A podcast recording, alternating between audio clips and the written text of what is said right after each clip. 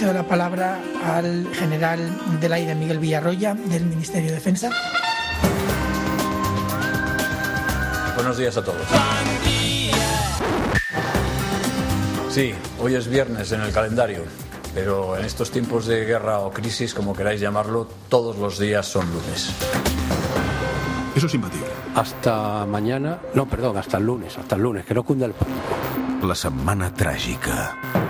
Bueno, y ahora quería aprovechar esta ocasión para comentar un vídeo que se hizo viral ayer por la tarde cuando se veía a una señora con sus bolsas de la compra acompañada por dos soldados, comentar que efectivamente ese eh, no es el cometido principal de nuestros, nuestros soldados.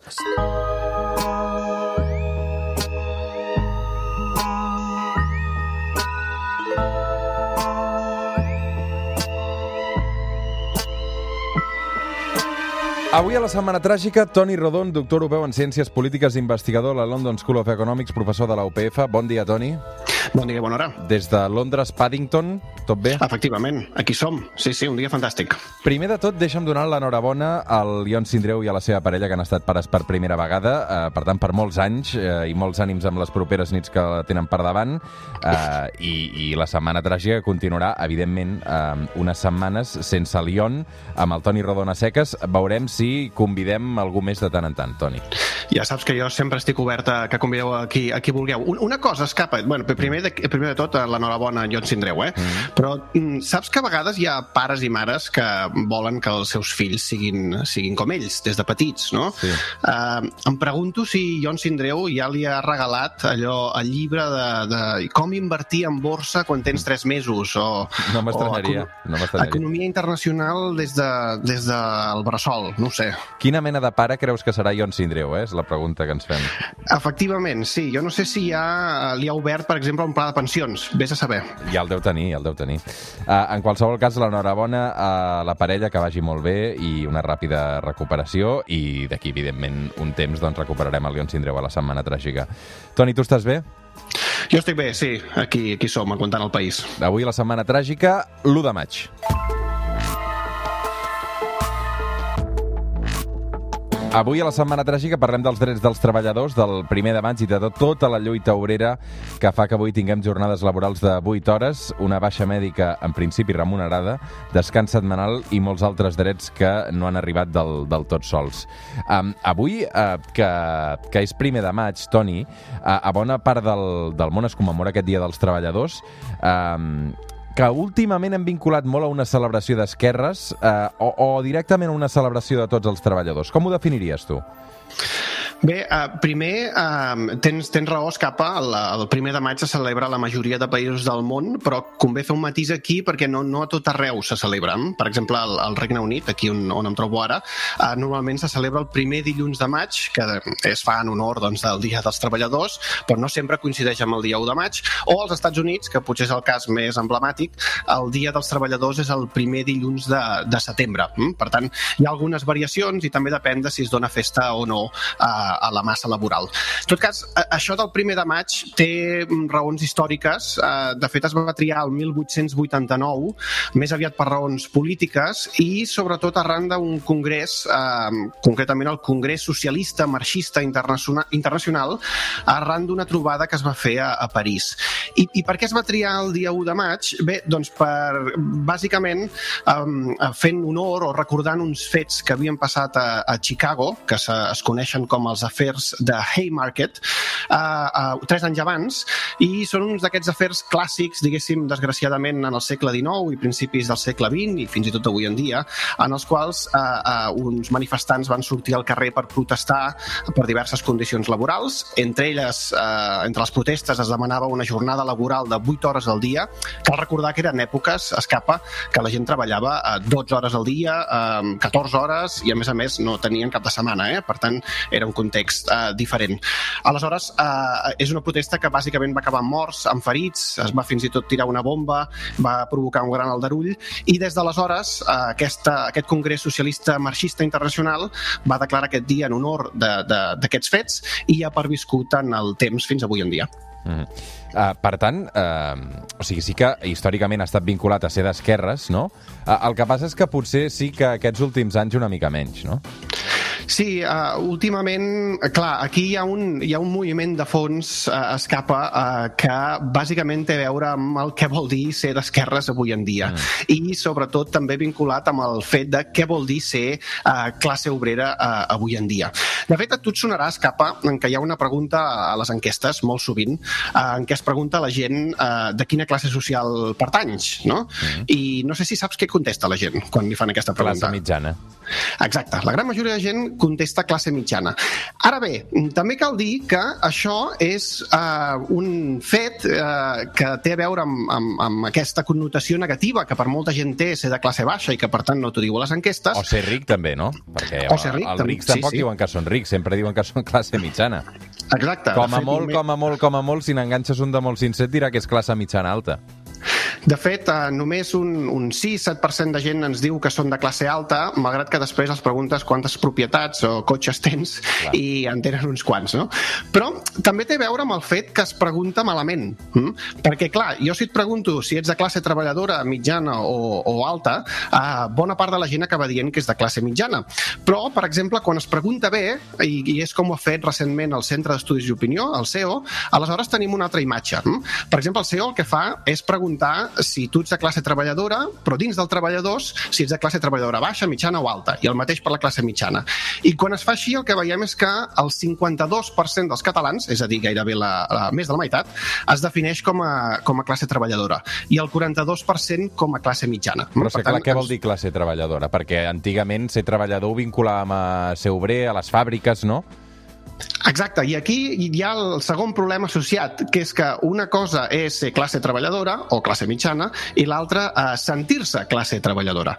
És a dir, aquí hi ha la diferència, mm, si voleu, marxista de uh, clàssica entre les condicions materials, és a dir, els teus ingressos, la teva educació, la gent que coneixes, l'escola que vas, etc, que et defineixen com a classe treballadora, i després sentir-te uh, com a part d'una classe social.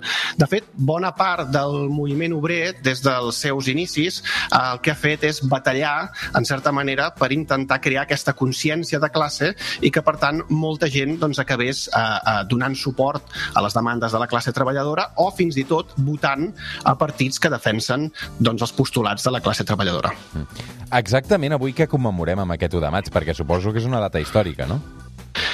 Es commemoren diferents qüestions, tot i que la data ve d'aquesta de, aquest, uh, demanda per les 8 hores uh, de, de feina al dia. Uh, en general es, es commemoren diferents demandes i sobretot avui en dia es posa l'èmfasi en altres qüestions, com la precarietat laboral, el fet de que hi hagi molts contractes indefinits, el fet que els sous siguin molt baixos, etc.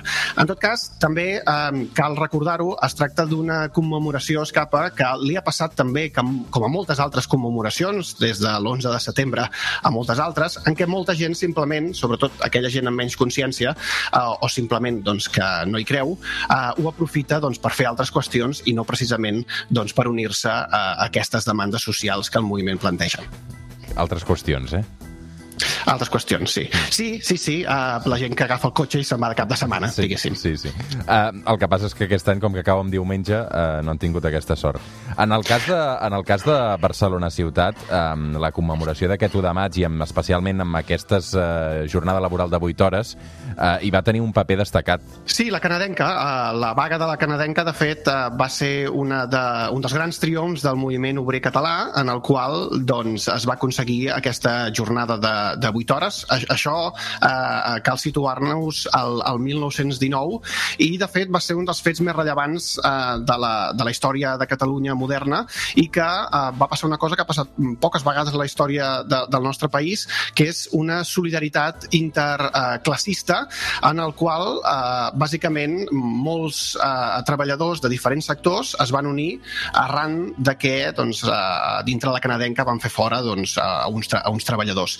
I al final es va aconseguir, la jornada de 8 hores, però també moltes altres uh, demandes. En tot cas, Escapa, estem en una situació diferent. Eh? Uh, un, un dels problemes principals o reflexions que pum, segur que de, es planteja el moviment sindical uh, de Catalunya, però també s'està replantejant el moviment sindical d'arreu del món, és la baixa, uh, el baix percentatge de gent que està afiliat a un, a un sindicat. A l'estat espanyol, per exemple, és només el 17% i a França, uh, que diguéssim se situa a la cua d'Europa, és el 8%. De fet, en els últims anys, els sindicats catalans han perdut el 20% dels seus afiliats. I eh, arran de les reformes que s'han fet, doncs són sindicats que en general eh, negocien més amb el món polític que no, que no pas amb el món empresarial, en termes generals, eh? evidentment hi ha diferències. I, eh, entre moltes altres coses, això ha provocat que els sindicats deixessin de tenir aquell poder mobilitzador que tenien abans. De fet, l'última vaga general, si no recordo, és la de l'any 2012, que es va convocar quan governava el PP. Són pocs, això sí, els afiliats que hi ha actualment a Catalunya doncs són, estan molt mobilitzats. Avui amb el Toni Rodona la setmana tràgica, el primer de maig, el dia del treballador. Eh, la, fin la funció teòricament dels sindicats és aconseguir drets laborals. Eh, Toni, com s'aconsegueixen aquests drets laborals?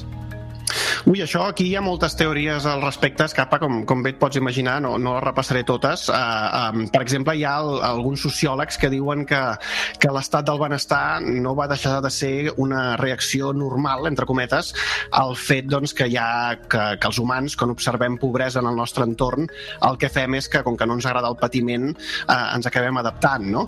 També hi ha qui diu que va ser fruit de la industrialització i el fet de la, de la pobresa que, genera, que va generar o fins i tot algunes teories econòmiques que apunten a aquesta idea que l'Estat, quan es crea, eh, acaba sent una entitat per si mateixa i per consolidar el poder el que va fent doncs, és eh, ampliant esferes i, per tant, creant l'estat del benestar. A mi eh, escapa la, la idea que m'agrada més, i reconec aquí que potser estic esbiaixat, és, és el que es diu la teoria de l'amenaça de la revolució.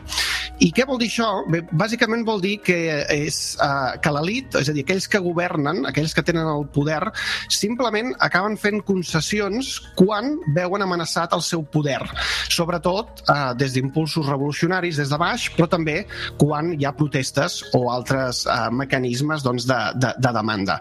I, de fet, al meu entendre, jo crec que això lliga bastant amb l'evidència que tenim al llarg de la història o fins i tot avui en dia. De fet, la més clara és la de l'imperi alemany eh, sota eh, un personatge famós que es diu Otto von Bismarck, que es considera eh, el primer eh, desenvolupador del, de de l'estat del benestar modern. Mm? Això va passar el 1800 1881 i, de fet, Otto von Bismarck té aquesta frase famosa en la qual ell diu eh, anomeneu socialisme o el que vulgueu, és el mateix per mi, i això ho deia bàsicament perquè ell va implementar mesures de benestar, com per exemple un sistema de salut eh, nacional, sobretot eh, amb un objectiu, que era prohibir o intentar eh, frenar el Partit Socialdemòcrata eh, eh, en el Parlament, però també en unes possibles eleccions que podia haver-hi en el futur. És a dir, mm, jo potser, imagineu-vos que esteu en el poder, no creieu en el fet de l'estat del benestar, però escolta, com que tinc uns rivals que em poden treure el poder, adapto el seu programa, copio el que ells volen i d'aquesta manera els desactivo. I aquesta seria una mica la idea de l'origen de l'estat del benestar alemany i d'aquesta teoria de la, de la revolució. De fet, això lliga bastant també amb altres qüestions. Mm? Per exemple, sabem que arran de molts estudis, molts països han acabat donant el dret a vot al masculí i després també al femení, quan bàsicament els polítics se'n podien beneficiar. Mm? Per exemple, en el cas de l'estat espanyol, eh, molts oients sabran que el sufragi femení es va aprovar el 1931 i aplicar per primer cop el 1933, però de fet, el primer en proposar-ho i que gairebé ho va, ho va eh, aplicar va ser Primo de Rivera hm? i no es va poder fer el 29 doncs, perquè la seva dictadura va caure. I una mica és aquesta idea, no? Eh, jo intento fer alguna cosa quan veig que me'n puc arribar a beneficiar. I el moviment obrer eh, ha aconseguit gran part de les seves demandes bàsiques estructurals quan hi ha hagut aquesta força des de sota i, de fet, els països tenien aquesta idea de la por a la revolució, que era bàsicament la revolució socialista, la qual cosa va fer eh, que canviessin molt ràpidament i que arribéssim, en certa manera, a l'estat del benestar modern. Mm. Toni, per anar acabant, avui que parlem de lluita obrera, del Dia del Treballador i de tota la pesca, um, parla'm, explica'm aquesta connexió entre l'extrema dreta i, i, i el trasbassament de vots de, del món obrer. Aquí hi ha una mica de, de mite escapa, eh, tot i que a vegades està basat en dades reals, que és aquesta idea que l'extrema dreta eh, bàsicament el que agafa són vots només de la classe treballadora o de gent que abans votava als partits socialdemòcrates. Eh, de fet, eh, pels estudis que tenim, eh, arreu d'Europa el que sabem és que la gran majoria de vots de partits de l'extrema dreta venen de dues fonts. La primera que és de partits partits conservadors o cristianodemòcrates normals, 4 de cada 10 vots, i després de l'abstenció, és a dir, gent que no votava, que l'extrema dreta ha aconseguit mobilitzar. Votants de partits socialdemòcrates que ara voten a l'extrema dreta, aquest és un percentatge menor, un, vora un 15%. Ara bé, tot i així, a casa nostra la cosa és una mica diferent, eh, sobretot en el cas de Catalunya.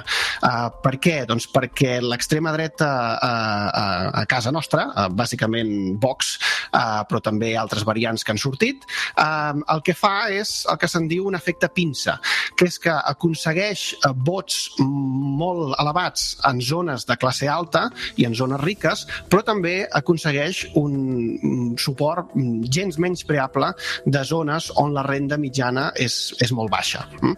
Per tant, mm, en certa manera, és, eh, no és veritat que tots els vots de l'extrema dreta vinguin, diguéssim, i en perdó per l'estereotip de Torre Baró o Ciutat Meridiana, però sí que cada vegada més eh, les persones amb una renda més baixa estan donant suport a l'extrema dreta a casa nostra i, al meu entendre, tot i que això és una especulació, crec que encara no han arribat a aquest sostre. Mm. Avui a la Setmana Tràgica amb el Toni Rodon hem parlat d'aquest eh, primer de maig del Dia dels Treballadors que avui es commemora i hem fet una mica de història i també ho hem portat a l'actualitat. Toni Rodon, una abraçada cap a Londres, aprofita també aquest bon temps i si veus el Lion Sindreu, la criatura no la coneixes encara, no? Encara no, encara no. Un dia d'aquests el anirem a visitar i li, ja li portarem una mica de menjar perquè no hagi de... Sí que no estigui tan estressat. Porta-li tàpers, que és el més eh, interessant. De... Al principi, quan ets pare, el que més necessites són tàpers, bàsicament. Tàpers, eh? Així sí. es posa al congelador i no cal que cuinis en un mes, no? Sí, sí bàsicament. Uh, ja t'ho trobaràs quan t'arribi, si és que t'arriba, perquè tampoc és... Sí, va, una abraçada. Que vagi bé. Fem una pausa i ara tornem al suplement.